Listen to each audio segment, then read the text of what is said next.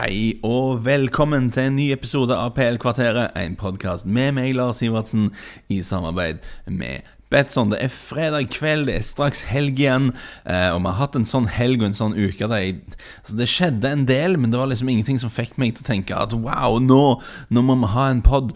Eh, Liverpool de tapte en kamp, ja ja, ok, jeg tror nok fort de vinner serien uansett.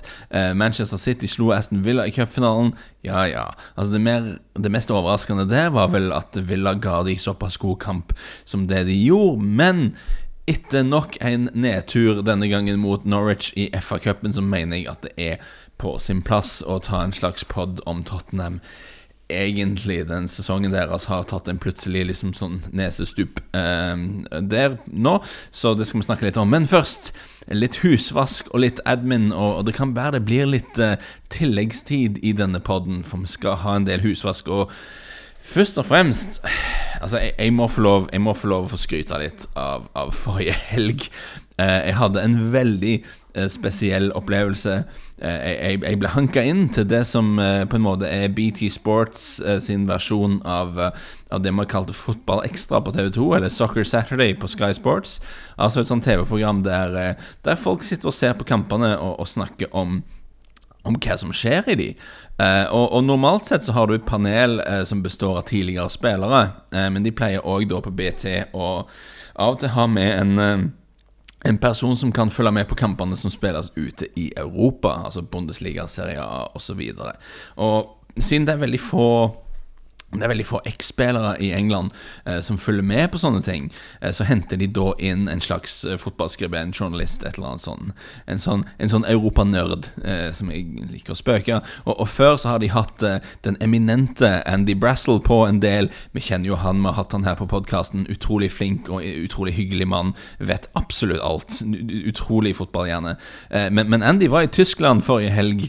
Han, han var ikke til å få tak i.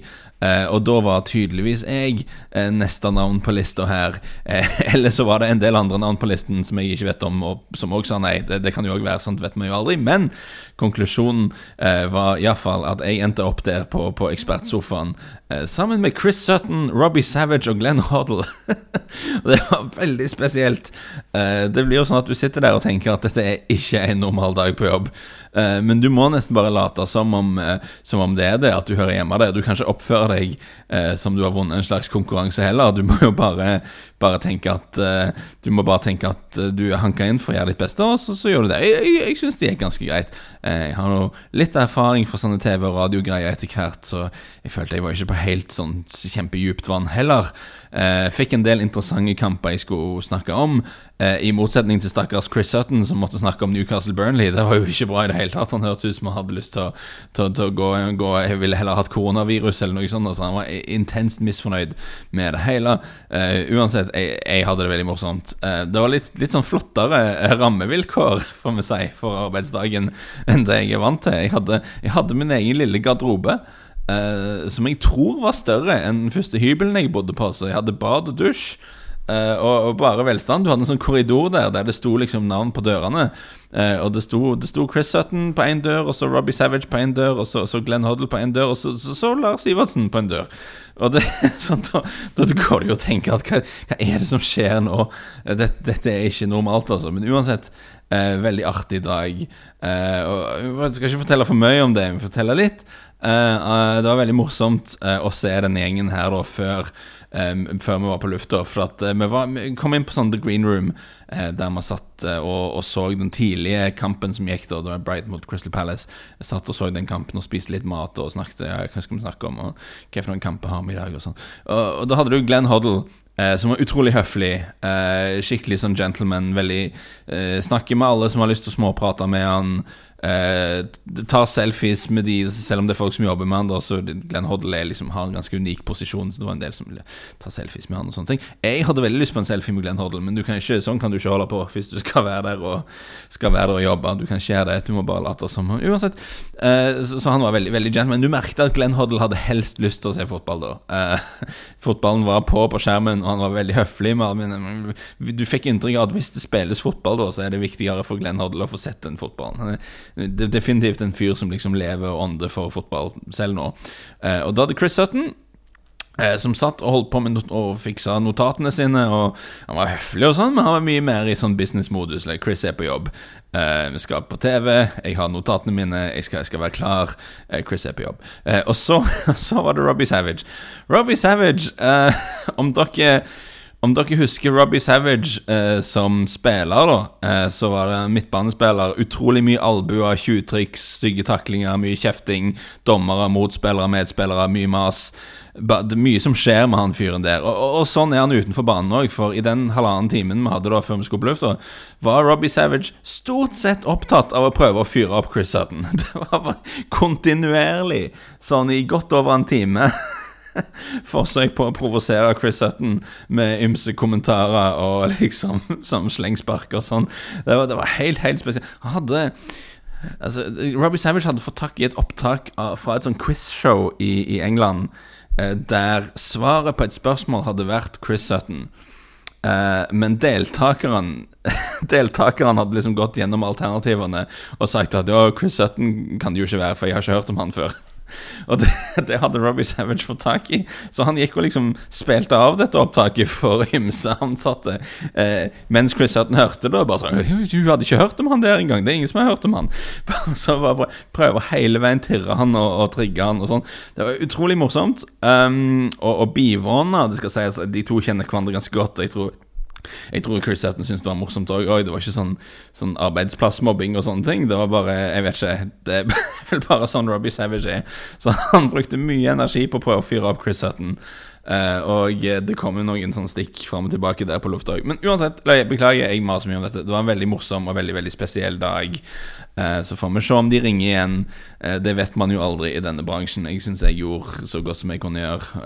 så vil vi se hvordan det går. Og så én ting til. Se, det har gått, det sju minutter. Jeg, jeg er ikke ferdig med oppvasken engang. Det er derfor vi ikke kan ha noen alarmbjeller her nå. Vi får bare gønne på. Kjempelang episode. Det tåler vi én ting til, og dette er spennende. Det er mye mer spennende egentlig enn mine sånne eventyr i TV-land. Eh, og det at vi skal ha en konkurranse på podden. Eh, og det er en ganske heftig konkurranse, eh, for vinneren vinner faktisk Vent nå litt, hold dere fast. Vinneren vinner en fotballtur for to til London. til å se Arsenal mot Liverpool ute på våren der. Eh, og, og, og, sammen med meg. Jeg, jeg skal òg på kamp, så eh, vi, vi, skal se kamp. Um, og, eh, og Betson, eh, vår, vår kjære sponsor, betaler for fly, betaler hotell, betaler kampbilletter. Så det, dere vinner rett og slett en skikkelig fotballhelg i London. Hvordan kan dere vinne dette? Vel, eh, som jeg har nevnt eh, sikkert mange ganger på, på podden her, så skriver jeg en sånn ukentlig oddspalte for Betson, eh, der jeg kommer fram til tre singelspill og en eh, trippel som jeg liker. Så vi tenkte litt på dette her. Hva kan, hva kan være en kul konkurranse? Og vi kom fram til at disse oddstriplene, der, der kan det være noe. Eh, for det har vært litt sånn eh, Hvor skal disse triplene være? Skal det være langskudd? Skal det være safere ting? Så vi skal inkludere dere, kjære lyttere. Eh, så konkurransen man kom fram til, er hvem klarer å få inn en odds-trippel med høyest odds? Så neste helg, kan vi være veldig tydelig her, neste helg, fra lørdag den 14. mars til mandag den 16. mars, så er det konkurranse. Og reglene er veldig enkle. Er, du skal velge Eh, tre spill fra Betson sitt oddsutvalg til samme kupong. Enkelt og greit, lag en trippel, det tror jeg dere fleste er kjent med. Spill den trippelen. Eh, minste innsats er 50 kroner. Eh, og, og, dette er en viktig del. da Legg ut et screenshot eller bilde av trippelen du har spilt her nå, på Twitter eller Instagram. Eh, tagg Betson. Bruk hashtaggen hashtag Betson-kvarteret, har vi kommet fram til. Eh, så velg en trippel, spill den til minimum 50 kroner, legg ut screenshot eh, på Instagram eller Twitter. Hashtag BetsonKvarteret. Første premie, som sagt, fotballtur for to til London, med fly, hotell og billett inkludert. Jeg blir med, selvfølgelig. Eh, skal ha det veldig kjekt. Tipper jeg det er ikke fare for at det blir et par øl etterpå òg, vi får se.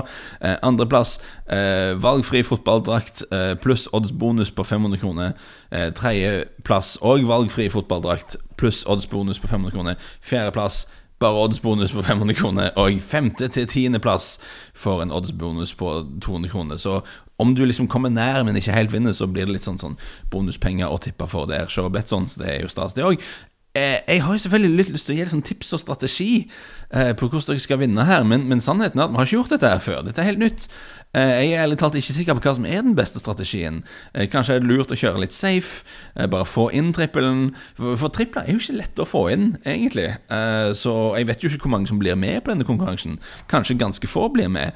og i så fall, så hvis du bare får inn en trippel, så er du plutselig liksom med i, i, i Plutselig er du med i lotteriet her. men du kan jo òg klinke til eh, og, gå for et skikkelig langskudd og tenke at hvis den treffer, så er det iallfall London-tur. Det er òg en mulighet. Jeg vet faktisk ikke hva som er best. Jeg er veldig spent på, på hva som blir den vinnende trippelen. Eh, og det skal vi iallfall ta en pod på å gå gjennom etter. Og jeg vet ikke hva uansett så kommer noen til å vinne en fotballtur til London for en ganske lav innsats her. Du kan selvfølgelig du kan kjøre flere tripler hvis du vil. Det er helt mulig, bare følg reglene. Eh, og legge det ut på Twitter, så er det greit. Eh, og uansett, jeg gleder meg til å, eh, til å ta et par voksendrikker og se litt fotball med dere som vinner. Så den konkurransen er neste helg. Jeg håper dere kaster dere på. Jeg bare sier bare sånn helt personlig jeg, jeg, jeg, tar jo opp de fleste av disse podene enten på kjøkkenet eller i skuret. Eh, og det er jo stort sett jeg som snakker. Av og til har jeg funnet meg en gjest, men normalt sett er det bare jeg som sitter og snakker. Og det føles ganske heftig at denne lille podden så skal vi ha en konkurranse der premien er reise og hotell og billett og hele Det, det er ganske big time. Jeg, jeg, jeg syns det er kult. Jeg syns det er heftig. Jeg håper mange av dere kaster dere på. Eh, dette er en utrolig kul greie som vi har fått til. Uansett, vet du hva. Elleve minutter, og vi har ikke gått i gang med en skikkelig podd ennå. Det er det jeg sier. Derfor blir det tilleggstid, og vel så det, for vi skal snakke en del om fotball òg. Eh, bare, bare, vent. Eh, fordi Ok, vi må snakke om Tottenham. Merker dere at humøret siger litt her nå? Det er ikke, ikke, ikke, ikke like kjekt. Ok, uansett. Tottenham røyk ut av FA-cupen mot Norwich denne uken. Før det har det blitt tap mot Wolverhampton, tap mot Chelsea, tap mot RB Leipzig i Champions League. Uh, og det er noen kamper der det føles som de, det, dette er kamper som har hatt mye å si for hvordan sesongen til Tottenham skal gå. Ute av FA-cupen, sannsynligvis på vei ut av Champions League, og tapte to liksom klink sekspoengere i kampen om Champions League-plass ganske grimt, rett og slett. Og det, det, er viktig å først å si når vi skal snakke om dette her. Eh, Tottenham som et lag de er i en vanskelig posisjon. Det, det må du bare erkjenne. Eh, de er inne i et slags generasjonsskifte. Jeg så det opp. Og eh, ti av de elleve spillerne som starta Champions League-finalen mot Liverpool i vår, de hadde vært i klubben siden sommeren 2015 eller lenger. Så ti av elleve. Eh, så du har et halvt tiår der der stammen i laget var mer eller mindre det samme. Eh, men av de elleve som starta Champions League-finalen i vår, eh, så var det kun to som starta for Tottenham i tapet mot Wolves nå i helgen. Et par ut av skade, men selvfølgelig Kane kommer tilbake, sånn kommer tilbake, sånne ting. Men trenden er jo tydelig. Du har en gruppe, et lag som har vært stabilt sammen i et halvt tiår, og som nå plutselig skal skiftes ut nesten hele gjengen, omtrent. Og ok, du har noen spillere som ble gamle. Moussane Dembele, kroppen klarte ikke mer, sammen med Viktor Wanyama. Kroppen hans er ikke så bra lenger. Eh, Vertongen ser litt ut som han er i samme kategori. Jeg har ikke lyst til å avskrive han helt ennå, men nå har jeg begynt fysisk ikke helt der lenger. Eh, og du har òg spillere som gikk lei, eh, som ønsker å prøve seg noe nytt. Christian Eriksen ville, ville ha nye utfordringer, kanskje litt ferdig fysisk òg. Danny Rose ville definitivt ha nye utfordringer, var veldig misfornøyd. Uansett. Eh, du har fått mange utskiftninger der som ideelt sett burde ha skjedd eh, gradvis, men som nå er nødt til å skje eh, litt plutselig og, og, og, alt på en gang. Og dette er ikke lett. Eh, fotball er ikke dataspill. Eh, fotball er en lagsport der relasjonene mellom de elleve spillerne på banen av og til er veldig viktig, og, og nesten like viktig som kvaliteten på de elleve individene. Altså ikke like viktig, det viser jo verdensfotballen oss, men, men det har mye å si, eh, dette med samhandling og relasjoner. Det handler ikke bare om å ha de best mulige spillere på banen. De må òg ha forutsetninger for å ha en god samhandling seg imellom. Eh, og når du plutselig har veldig store utskiftninger, eh, så er det, er det vanskelig å få til. Vi skal ikke, ikke koste det under teppet. Og Det er òg vanskelig når du har skader, sånn som Tottenham er. Jeg vet ikke om du har hørt det, det har blitt nevnt et par ganger at de har skader. Eh, Tottenham eh, bestemte seg i sommer for at de skulle gå inn i sesongen eh, med kun Harry Kane og Son Min som etablerte alternativer på spissplass. Eh, de kunne styrke denne lagdelen i januar, men de valgte å la være, ellers så fikk de ikke til. Eh, uansett så er det typisk at når du tar en sånn råsjanse som det, Eh, så fotballgudene de, de er lunefulle, så da får du plutselig ganske alvorlige skader på både Kane og sånn. Sånn, sånn går det, og Tottenham har da havna i en litt vanskelig situasjon. Midtbanen er også litt funky. Mosa Sissoko har litt på en sånn spesiell måte endt opp med å bli ganske viktig. Fordi altså, Han er jo òg skada, men fordi Eric Dyer har sett nokså ille ut når han har spilt midtbane. Eh, så hvis Mossa Sissoko er ute, så ender du opp med å spille med sånn Lo Winks eller unge Hedson Gedson Fernandes eller unge Oliver Skip. Altså det, det, er ikke bra sentralt på midten der, så, så Sissoko er plutselig et veldig stort savn der. Det er ikke noe vi hadde trodd vi skulle si for noen år siden, men sånn har det blitt. Eh, og uansett så Situasjonen er ikke enkel. Vi må, vi må være klare på det. Men heldigvis for Tottenham heldigvis for Tottenham, så har de en av verdens mest meritterte trenere. De har en av moderne fotballhistories mest vinnende trenere. En trener som har holdt på med dette her i 20 år nå, eh, som har opplevd det meste, som er en, en unik motivator eh, som kan få det beste ut av det han har. Eh, de måtte betale en del for han, eh, ifølge eh, det ærverdige franske fotballbladet L'Equipe, så, så, så tjener José Mourinho 15 millioner millioner pund i året. Eh, det er kun Pep Guardiola og Diego Simione i hele verden eh, som tjener fetere enn José Mourinho, men greit nok. Eh, hvis du skal ha det beste, så koster det, og jeg syns jo det er interessant å se hva som skjer når en av disse stjernetrenerne havner i en situasjon der det er vanskelig. En situasjon der du ikke har helt de spillerne du helst ville hatt. Altså en sånn situasjon som, som fotballtrenere verden over er nødt til å håndtere. Hvis du er trener for et norsk fjerdedivisjonslag, så vet du hva som skjer når du mangler et par fyr. Kanskje noen har dratt på språkreise, og en annen har knukket foten, og du har ikke kanskje kjøpt noen. Så, altså, dette, dette, er liksom sånn det er for trenere rundt forbi. Men de aller, aller beste, de største navnene, de, de har det ikke alltid sånn. Fordi de, de tjener toppklubber som har masse penger. Så, men nå har vi en, eh, en situasjon her nå der, der, der Mourinho må, må, må, takle ting. Uh, og det, det, det er interessant for meg å se hva, hva som skjer. Hva, hva skjer når, når Mourinho må, må, forholde seg til en sånn virkelighet sånn som dette? Og, og, et område der Mourinho alltid har vært Der han alltid har vært sjefen, eh, er når det gjelder pressekonferanser. Jeg, jeg har sjekket opp dette. her Mourinho sa faktisk sjøl en gang dette er det han sier sjøl. Når jeg går på en pressekonferanse før en kamp, så har kampen i mitt hode allerede begynt. Når jeg går på en pressekonferanse etter kamp, så er ikke kampen over ennå. Så det må vi ha i bakhodet. Mourinho er en av de trenerne i verden som legger mest i dette med, med, med, politikk, egentlig. Det med å bruke mediene til å gi visse inntrykk, eh, til å provosere motstandere, eh, til å sende signaler til spillere, til fans osv. Kan jo nevne at det har vært mye snakk om unge Troy Parrott, eh, som mange syns bør spille spiss. Ifølge The Athletic så har jo ikke eh, Mourinho sagt noe til han om hvorfor han ikke spiller. Det, han blir bare nødt til å lese aviser og sjekke hva sjefen sier til. Så det er, sånn, det er litt viktig hva slags inntrykk man sier. Spillerne, spillerne følger med. Um, og, og, og, det er en viktig del av det. Så når José Mourinho han er i denne litt tricky situasjonen, eh, da er det veldig interessant å se hva, hva, hva, gjør han når han snakker med offentligheten. Hva slags velvalgte ord har han kommet fram til? Eh, hva skal denne unike motivatoren si for å fyre opp spillerne sine, for å vise at laget hans de kommer til å kjempe til siste slutt? Vel, etter Chelsea-kampen så sa han det er vanskelig for spillerne mine å gjøre noe annet enn det de gjorde. Men det vi, med det vi har akkurat nå, med styrken vi har eller ikke har, i den nesten unike situasjonen vi er i, det er veldig vanskelig å gjøre det bedre. Spesielt når motstanderne skårer før oss. Så enkelt er det. Dersom de presser oss høyt, så vet de at om vi slår langt, så vinner vi ikke en eneste ball mot motstanderens forsvarere. Dersom de legger seg dypt i banen, så vet de at det er vanskelig for oss å komme oss inn i boksen, spesielt fra kantene. Så motstanderne vet at dersom de skårer et mål mot oss, så har vi problemer. Vi har tre lange måneder igjen i de tre turneringene vi fortsatt er med i. Det kommer til å bli tre lange måneder.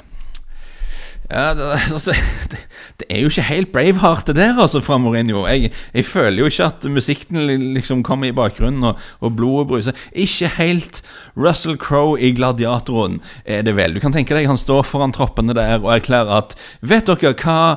Eh, vi, vi, glemte katapultene hjemme. Hestene har fått skabb. Eh, jeg skulle ønske jeg slapp å gjøre dette her, men nei, vi må angripe likevel. Altså, hva, hva, er dette for noe? Tottenham tydeligvis er ikke i stand til å spille fotball lenger. Eh, det hadde vært bedre om sesongen bare var over. Eh, og jeg må jo si jeg er ikke veldig imponert av dette her. Kanskje Tottenham-spillerne hører dette og tenker 'yes, dette blir bra', nå er jeg fyrt opp. Men jeg tror kanskje ikke egentlig det. Han sa òg at for å skape sjanser, så trenger du et oppspillspunkt og raske folk som kan skifte posisjoner. Du trenger en annen dynamikk i laget. Vi har ikke en spiss, og vi har slitne spillere.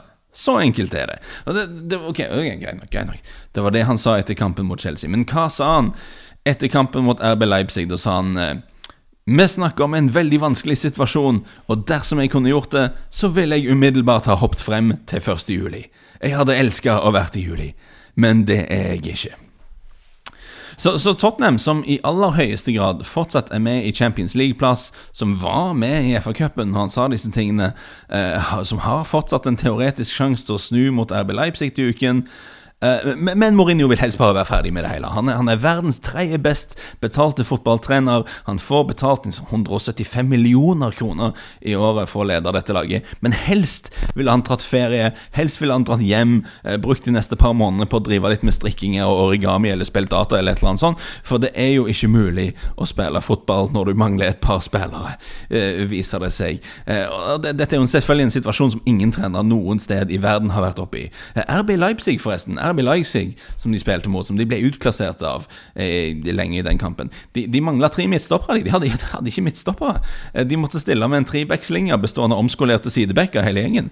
Så Halsenberg har spilt litt stopper, men det var, det var stort sett sidebacker der. Men det er klart, selvfølgelig, Mourinho. Mourinho har det vanskeligere enn alle. Det er ingen, ingen kan vel forvente noe som helst resultater fra han, eh, for han mangler et par spillere, og da, da er det veldig vanskelig. Og, ok greit. Så, som dere merker på tonen min her, da, så, så jeg syns ikke det er bra nok, dette her. Eh, det, det er bare ikke bra nok. Du, du kunne betalt Alan Pardew en, en halvspist pizza og en 50-lapp for å bare stå der og si nei, vet du hva, vi, vi mangler en spiss, og spillerne er slitne, så det, det, går jo ikke så bra om dagen. Det gjør ikke det. Det, det er jo derfor du ansetter en av verdens mest meritterte trenere. For at, uh, for at, det skal Ikke bare for at det skal gå bra når ting er perfekt, uh, og for at når alt går på skinner og alt er bra, men for at han faktisk skal klare å finne løsninger når ting er vanskelig. Uh, og når jeg hører Mourinho snakke om hvor vanskelig han har det, og hvor mye han skulle ønske at sesongen var over, så tenker jeg bare ta deg sammen og kom deg på jobb. Dette er faktisk det du får betalt for. Skjerp deg og kom deg på jobb det, det, Leipzig hadde ikke midtstoppere, backere i trebackslinjen for å få det til å gå opp. Vant. Knuste de. Chelsea transfer, Kan du tenke deg hvis Mourinho måtte vært i en klubb der det var sånn transferband? Herregud, vi hadde jo aldri hørt Aldri hørt slutten på det. Chelsea har måttet gitt masse tillit til unge spillere. Mourinho hadde hata det der. De har garantert ikke det laget Frank Lampard helst ville ha, men, men fant løsninger. Wolverhampton okay. Wolverhampton har en av de minste spillerstallene i Premier League og har spilt Europaliga helt siden det var sommerferie. Altså jeg så på dette. her Tottenham har én spiller i stallen som har spilt over 3000 minutter så langt den sesongen. Det er Toby Alderweireld. Se på Wolves. Wolves har åtte spillere som har spilt over 3000 minutter denne sesongen. Eh, Serge Aurier han har spilt nest flest minutter for Spurs denne sesongen. Han har spilt 2653 minutter. Wolves har ti spillere som har spilt mer enn NTR, men ifølge Mourinho så er det helt unikt for Tottenham, og de er så veldig veldig slitne. Det er så vondt og vanskelig for dem. Hva med Norwich, da? Norwich ligger på bunnen av Premier League. Eh, de rykte opp på sånn sparebluss på å hente sånn tilfeldige dudes fra andre Bundesliga og sånn, og de spilte uten sin beste spiss, med sånn Alex Tetti, som er verdens beste mann, men om, omtrent ikke kan springe lenger. Det er litt harsh. Tetti kan springe, men uh, du skjønner hva jeg mener. Og ok, det var perioder av kampen der Tottenham skapte mest, men, og de var litt uheldige, vil jeg si, egentlig, som ikke vant den kampen, men det er jo sånn som Tetti sa etter kampen. Uh, Tottenham har forandra seg. Det er det Tetti sier. De har forandra seg helt uh, fra å være veldig aggressive og gode med ballen under Pochettino til det de gjør nå, hvor de bare venter på deg. Ok. Mm. Det er litt sånn Jeg er litt skyldig nå i å ta ut selektive eh, utdrag av det Mourinho har sagt. eh, For å illustrere et poeng. Det er et litt sånn eh, litt kjipt retorisk grep jeg har benytta her nå. Jeg skal innrømme det.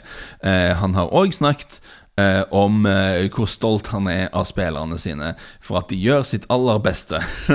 Eh, og, og, og beskjeden hans er ikke, Beskjeden er tydelig. Det er ikke deres feil at de ikke kan bedre. Eh, og det er iallfall ikke hans feil, og det er jo kanskje det viktigste her. Om det er noe vi har lært av José Mourinhos tid som topptrener, så er det at det er aldri, aldri, aldri hans feil når noe går dårlig. Men når det går bra, når han vinner ting ja, special one. da er det sånn det er.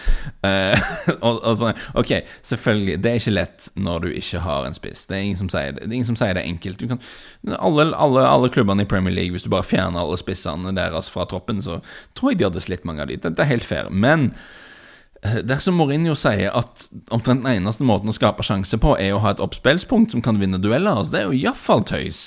Eh, Du kan se på tabellen. Har Manchester City en stor spiss som vinner dueller? Nei. Har Liverpool en stor spiss som vinner dueller? Nei.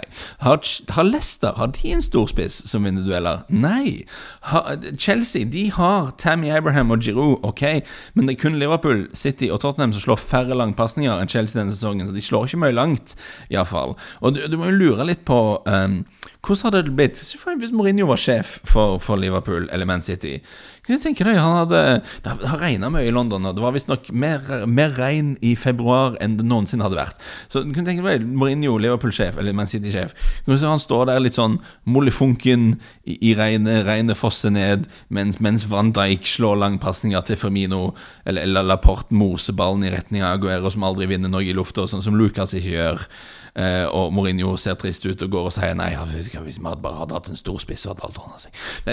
Det- det er 2020 vi er i nå. Du er nødt til å ha mer å komme med enn det der. altså Beklager. Eh, og én ting er at Tottenham mangler en spiss. Jeg tror alle skjønner igjen Alle skjønner at dette er vanskelig. Men det forklarer ikke hvorfor de ser så totalt planløse ut på banen som det de gjør. Hvorfor midtbanespillerne ser ut som om de omtrent ikke har møtt hverandre før. Og, og, og det minner jo litt om om det Eden Hazard sa for et par år siden om, Han fikk spørsmål om forskjellen på Mourinho og Antonio Conte. Hva, hva er forskjellen på de to? sa Eden Hazard. Og han svarte at det var taktisk trening. Vi gjør mer av det med Conte. Vi vet nøyaktig hva vi skal gjøre på banen, hvor vi skal bevege oss. Eh, vi vet hvor forsvarerne skal bevege seg. Med Mourinho så var det mer at han satte opp systemet, og vi jobba ikke så mye med det. Eh, vi vet hva vi skal gjøre fordi vi spiller fotball, men automatiseringen var litt annerledes. Når du ser på Og det, det jeg tror det er kjernen i mye her. Når du ser på Liverpool, når du ser på Manchester City, når de angriper spesielt, så legger du jo merke til eh, hvor utrolig fort ballen går, hvor raske de pasningskombinasjonene er virker jo av og til som det er sånn telepati som foregår, hvordan de finner hverandre, og hvordan de alltid vet hvor løpene kommer, på en eller annen måte.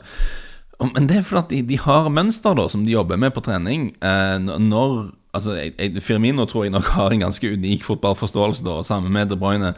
Men, men av og til når de slår disse her flikkene, så virker det som de slår dem blindt, og at de sikter mer på sånne områder enn på spillere, og så kommer plutselig spilleren der. Vet du hva, for det er mønster som du jobber med på trening.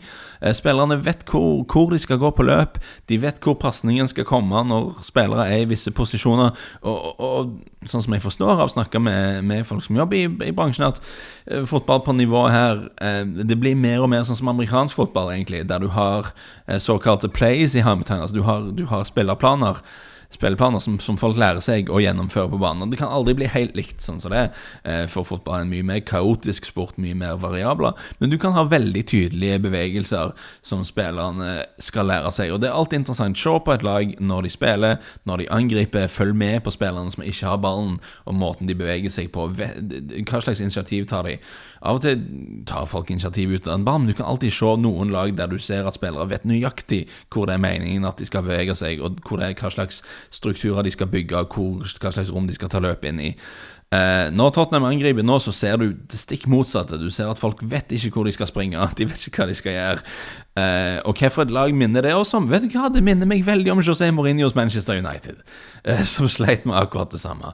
Uh, ok, Jos- José Mourinho har en, en, en helt u, en uvanlig utfordring for han i, i Tottenham nå. En av Mourinhos fremste gaver eh, som manager, som, som person, I guess, er at han, han, har en helt sånn genuin utstråling. Det, det kan jeg si. Jeg har, har intervjuet han et par ganger sånn kort etter kamper og vært på pressekonferanser med han og sånne ting. Og han har han har en sånn aura. Han er en person som eh, Hvis han er i godt humør, og han går inn i et rom liksom, og han smiler og han slår av et par vitser, så løfter han humøret i et rom bare med sitt nærvær, liksom, på en måte vanlige folk bare ikke kan gjøre. Eh, det, det, er kanskje det vi kaller for et smittende humør, da, på godt norsk. Utrolig sterk personlighet og smittende humør. Og Det er en ganske sånn potent blanding, da. Eh, og det, det gjør at han da kan være en utrolig effektiv motivator. Men vet du hva, det kan òg være et tveegga sverd, altså, for at det går den andre veien òg. Når Mourinho er sur, så forgifter han stemningen i et rom noe enormt. Det er ikke mulig å stå i samme rom eh, som Mourinho når han er sur, uten å bare føle hele atmosfæren bare blir tung og, og lada og vanskelig. Eh, og og det er vanskelig, og det er et problem for han, for vet du hva, i Tottenham så er han sjef for et lag som kommer til å tape masse kamper. Altså, masse, De kommer til å tape en del kamper. Det er ingen vei utenom det. Eh, de har ikke et lag som er godt nok til å vinne hver eneste uke, som er godt nok til å kjempe om seriegull. Det har de bare ikke. Eh, og de har ikke råd til å kjøpe det i sommer heller. Eh, så Mourinho er nødt til å jobbe langsiktig.